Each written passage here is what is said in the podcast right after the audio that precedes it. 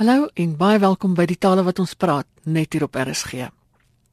Nou die hof is waarskynlik een van die plekke waar dit veral moontlik moet wees om mense eie taal te praat. Dit gebeur egter nie altyd nie en daar's verskeie redes voor. Vroeër vanjaar het die Vereniging van Regslui vir Afrikaans die Landdroshof-reëls in Afrikaans laat vertaal. Ek praat vanoggend met 'n woordvoerder van die vereniging, professor Koos Malan, oor die vertaling van die hofreëls, maar ook wie is die vereniging? Ina, die vereniging is 'n uh, vereniging van uh, persone vanuit al die sektore van die uh, regspraktyk met inbegrip van prokureurs en advokate uh, as ook kandidaatprokureurs uh, en ook regsakademici en trouens enige ander persoon wat op een of ander wyse by die reg betrokke is. Enige enige, enige regsprofessionele persoon.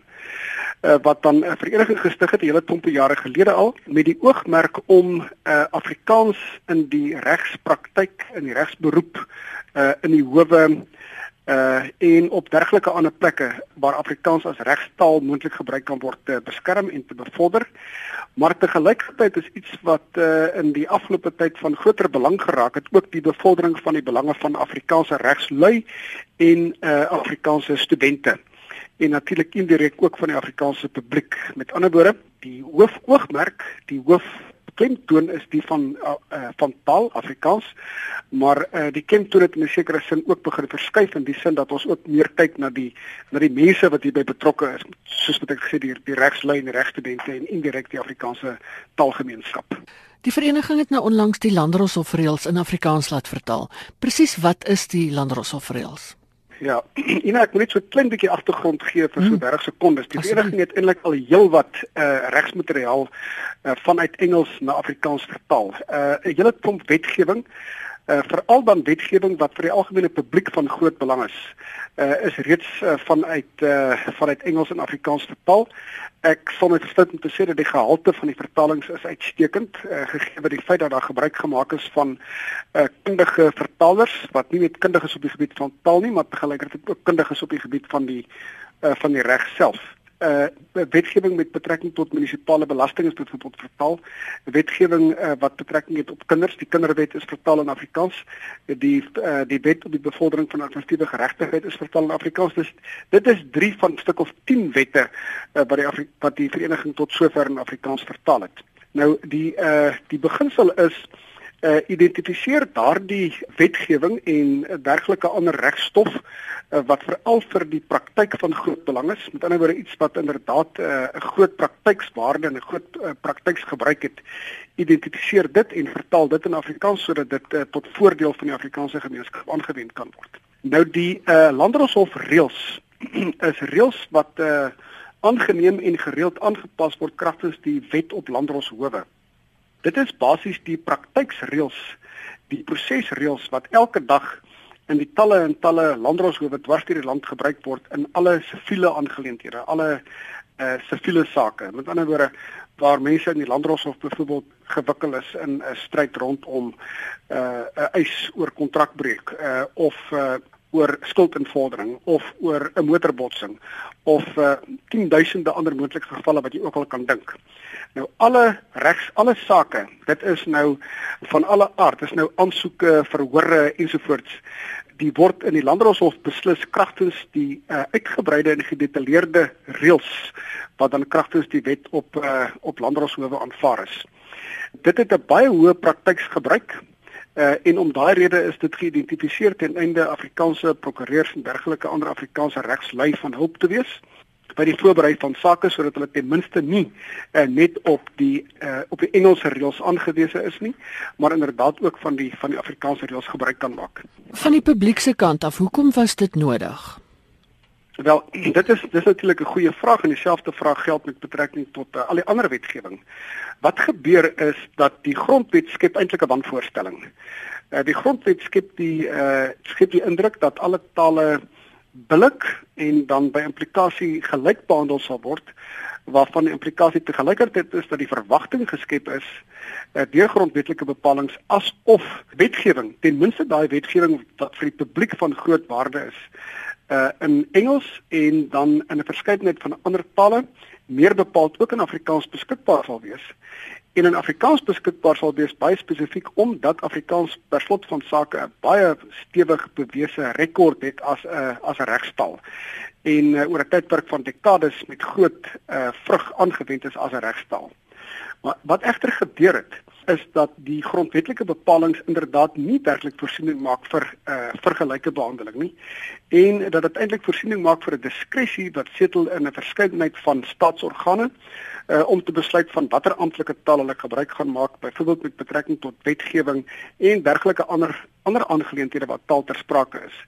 En dat die diskresie uh, doeteenvoudig op so 'n wyse uitgeoefen word dat Afrikaans uh, baie dikwels uh, aan die kortste end trek en uh, dat 'n uh, bedeling ingevoer is van eintlik uh, Engelse eentaligheid dit dis dis wat prakties gebeur het. Uh waarvan die effek is dat uh, dat Afrikaans benadeel word. Met ander woorde dis as gevolg van die benadeling uh, wat die vereniging die probleem voortspruitend uit die benadeling geïdentifiseer het en besluit het om dit 'n uh, burgerlike organisasie aan te spreek uh, deur ten minste die belangrikste wetgewing en dan hierdie reëls ook te identifiseer en dit Afrikaans te ver, in Afrikaans te vertaal ten einde die leemte wat gelaat word as gevolg van die uh, ontoereikende grondwet uh, en die ontoereikende wetgewing as gevolg daarvan as dit ware aan te vul. Nou ek het vroeër vanjaar verstaan dit is nog nie amptelik nie. Watter prosesse kan die vereniging nou volg om dit amptelik te maak?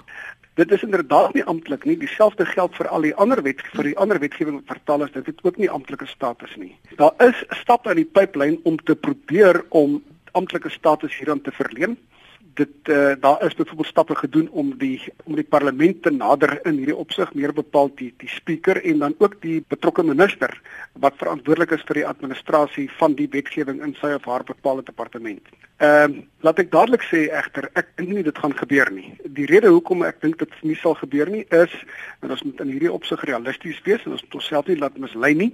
Ons werk nie hier met 'n uh, met 'n regering wat uh, hoegenaamd veeltaligheid goedgesind is nie. Inteendeel R.W. Johnson, politieke kommentator het etlike jare gelede al geskryf dat een van die dinge wat eintlik gebeur het sedert 1994 is dat Suid-Afrika in die algemeen 'n Engelstalige land geword het in weerwil van die feit dat uh, slegs 'n betreklike klein persentasie uh, van burgers van Suid-Afrika Engelssprekend is as eerste taalsprekers. So die vraag ontstaan dus, maar indien dit nie amptelike status geniet nie, watter waarde is dan nog steeds daaraan verbonde? Ja. Die punt is dat daar 'n verskeidenheid van waardes steeds daaraan verbonde is want die enigste plek waar jy wetgewing gebruik is klaarpleglik nie in die hof nie. Jy gebruik wetgewing ook ehm um, prokureurs sal mens dit uit die aard van die saak eerstehands kan vertel. Jy gebruik wetgewing te gelykertyd wanneer jy vir 'n saak voorberei wanneer jy met jou kliënt praat. En Afrikaanse prokureurs het die aard van die saak baie Afrikaanse kliënte. En wanneer wetgewing, ten minste wanneer 'n saak voorberei word, is die Afrikaanse wetgewing dan danksy die feit uh, dat dit vertaal is, ook hierdie reëls vertaal is beskikbaar dat die prokureur dit kan gebruik om vir die kliënt te verduidelik wat gaan vir wat. Ehm uh, wat is die ware toedrag van sake in plaas daarvan om te verwys na die Engelse teks van die wetgewing kan dan na die Afrikaanse teks van die wetgewing verwys word. Aan die ander woorde, dit het 'n uh, eh, groot gebruik, aansienlike gebruik met betrekking tot voorbereiding van sake. Dan nog 'n ding, uh, wanneer mens byvoorbeeld praat van die kinderwet wat etlike jare gelede vertaal is. Daar is talle en talle mense buite die regspleging, byvoorbeeld maatskaplike werkers.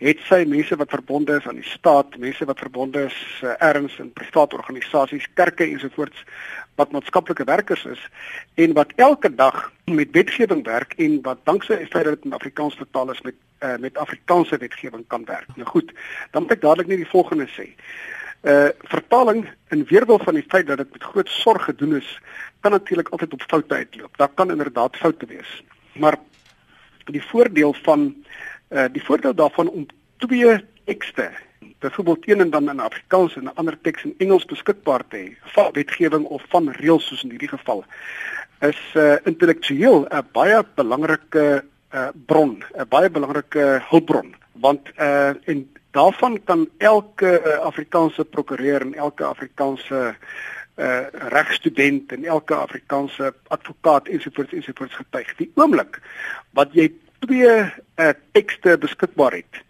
dan dien byvoorbeeld die Engelse teks altyd as 'n uh, kontrole of jou verstaan van die Afrikaanse teks korrek is en andersom. Met ander woorde, in weerwil van die feit self dat jy dit nie regstreeks in die hof kan gebruik of vir die landros kan aanhaal nie, het dit nogtans met betrekking tot die behoorlike verstaan van waarmee jy werk, uh, inderdaad 'n belangrike waarde, belangrike intellektuele en as gevolg daarvan ook 'n praktiese waarde. Een van die dinge wat juis gebeur, ek is vir oomblik oorskynlik 'n bietjie van die punt af, maar een van die nee. dinge wat juis gebeur, die feit dat ons amptelik vir Engels het juis eintlik 'n vorm van 'n nou harde woord om te gebruik 'n bepaalde verdomlikings uh effek vir die dood eenvoudige rede omdat jy jouself ontdoen uh van 'n ander taal wat 'n belangrike intellektuele hulpbron is wat jou vermoë om die teks, die reg waarmee jy werk, beter beter te verstaan as dit bare uit die weg ren. Uh so die punt is dus dat die vertaling van wetgewing afgesien van die ander uh voordele wat ek genoem het wat daaraan verbonde is, praktiks uh, voordele wat daaraan verbonde is, uh het is te gelykertyd ook 'n baie belangrike intellektuele bron wat natuurlik vir regslei veral van belang is. Beslot van sake is die enigste ding waarmee regslei werk, enigste gereedskapstuk is taal. So jy moet die beste moontlike gereedskap beskikbaar hê en dit het jy veral beskikbaar indien jy jou werk in twee tale kan doen en indien jy twee tekste van wetgewing in twee tale beskikbaar het om as dit ware wederzijds kontroles op mekaar uit te oefen sodat jy kan seker maak of jy inderdaad reg verstaan. Daar was onlangs in die Kimberley Hooggeregshof 'n saak dat die provinsiale polisiekommissaris gesê die polisiemanne of die polisiemense in daai provinsie moet net verklaringe en die dinge in Engels afneem. Nou as 'n mens se eerste taal Afrikaans is of in daai gebied spesifiek is dit tog grootliks Afrikaans. Dan kan ons vreeslike foute insluip as jy jou verklaring in, in Engels moet lewer maar jou eerste taal is Afrikaans. Hoe word mense benadeel deur hierdie soort van praktyk? Wel baie ernstig, baie ernstig. Om die waarheid te sê, dit kom eintlik neer op 'n vorm van patroonmatige uh, inbreuk op basiese regte. Per slot van rekening is een van die mees basiese regte met betrekking tot enige strafverhoor of 'n siviele verhoor is billikheid van die verhoor. Nou ehm uh, verhore word uit die aard van die saak via medium van taal afgehandel. So as jy 'n fout met die taal maak, dan beteken dit 'n inherent 'n uh, probleem insluit met betrekking tot die billikheid van die verhoor. Nou uh in die lig daarvan is die besluit van die uh van die betrokke funksionaris is 'n roekelose besluit. Uh wat waarskynlik eerder uh gemotiveer is deur uh, deur allerlei uh, wanaangepaste ideologiese motiverings anders as deur die werklike motiverings waartoe dit gelei moet word naamlik um, uh, om 'n uh, 'n uh, 'n behoorlike billike verhoor uh, te verseker. Ons sien dit uh, trouens elke dag gebeur.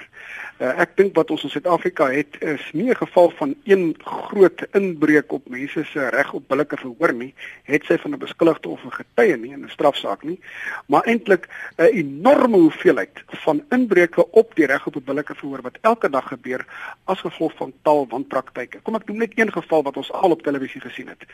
Ons het gesien wat gebeur met swak tolkwerk in die uh, Oscar Pistorius uh, verhoor. Ja. Uh, waar die tolk doeteenvoudig nie in staat was om na behore die getuienis uh, van die ehm uh, van twee van die getuies, toevallig swart persone wat in Afrikaans verkies het om te getuig, waar die tolk nie in staat was om dit na behore te kan vertaal nie. Dit is die soort van goed wat gebeur. En uh mense sou verwag dat mense wat juis by die strafregpleging in hierdie geval nou betrokke is, uh soos staatsanklaers, uh soos uh polisiebeamptes uh die nasionale kommissaris van die polisie, provinsiale kommissaris van polisie, dergelike ander eh, polisie offisiere ensovoorts, dat die mense ten minste 'n minimum begrip hiervoor sal hê, maar ongelukkig blyk dit te ontbreek. Die belangrike ding natuurlik wat uh, wat ten aansien hiervan moet gebeur is dat mense moet doeteenvoudig na hulle na self na hulle regte omsien. Uh, dit moet hulle doen op hulle eie maar te gelykertyd as hulle dit nie op hulle eie kan doen nie, dan moet hulle gebruik maak van die dienste van 'n van 'n prokureur. Die uh, Afrikaanse Vereniging van Afrikaanse Regslei het byvoorbeeld etlike jare 'n dokument die lig laat sien wat ook uh, beskikbaar is op die webwerf van die vereniging oor die regte van beskuldigdes en getuies in strafsaake spesifiek ook waar dit betrekking het op taal. So as jy daai dinge in jou hand het, dan weet jy wat jy te doen staan en jy weet om foute uit te skakel en jy weet om onbillike wat moontlik teen jou gepleeg kan word te vermy.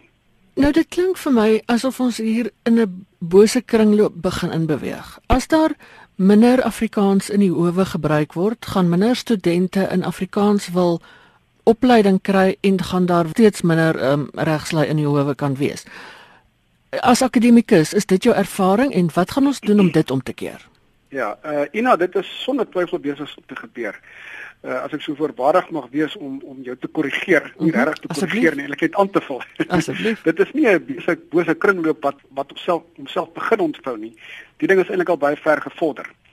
Dit is presies wat gebeur. As gevolg van die feit dat die howe in beduidende mate verengels het, het jy 'n uh, afname van uh, van 'n vraag aan opleiding, regsopleiding spesifiek in Afrikaans. As gevolg daarvan het uh, het verskeie fakulteite aan die een kant 'n uh, bietjie as gevolg van moedswillige beleid van die universiteitsowerhede en aan die ander kant uh, as gevolg doeteenvoudig van die feit dat die vraag na Afrikaanse regsopleiding verminder het, uh, is daar verskeie fakulteite wat nie meer in Afrikaans klas gee nie of wat binnekort nie meer in Afrikaans sal klas gee nie.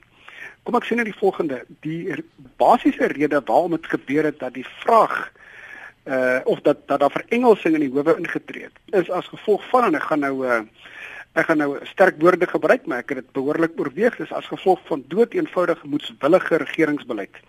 Mense sou verwag dat wanneer aanstellings gemaak word wanneer verplasings gedoen word in die in die regspleging byvoorbeeld met betrekking tot landroste regters uh, staatsaanklaers die aanwending van staatsprokureurs en so aan en so aan dat die uh, dat die taaldemografie van die betrokke uh, streke waar die persone ontplooi word en aggeneem sal word. As jy byvoorbeeld in die Noord-Kaap 'n persoon sou aanstel in enige een van daai poste, dan behoort die persoon ten minste ook Afrikaans magtig te wees.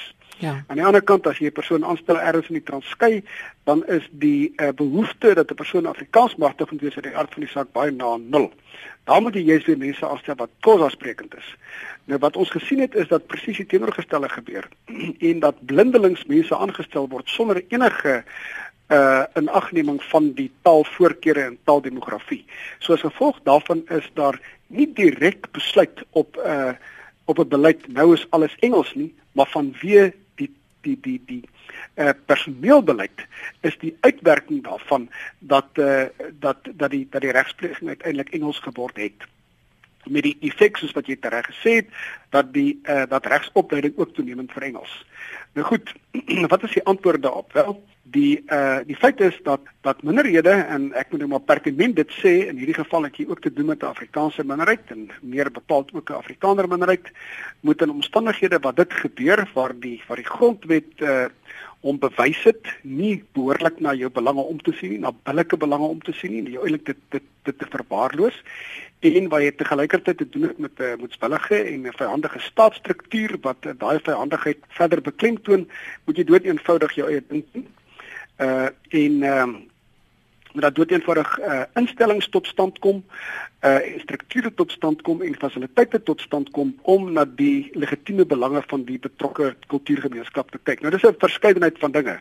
Uh op klein skaal is een van die goed wat ons doen, byvoorbeeld om wetgewing te vertaal, wat ten minste vir die korttermyn 'n belangrike bydrae lewer. Maar tegelijkertijd is dit ook belangrik om in ag te neem dat wanneer ons byvoorbeeld werk met die regspleging, mens moet ag moet neem dat daar wêreldwyd, meer bepaald ook in die westerse wêreld, uh, is daar 'n uh, verskywing weg van staatsregspleging na private regspleging, mediasie, uh, bemiddeling, is 'n mooi woord daarvoor in Afrikaans, uh, arbitrasie ensovoorts van siviele aangeleenthede.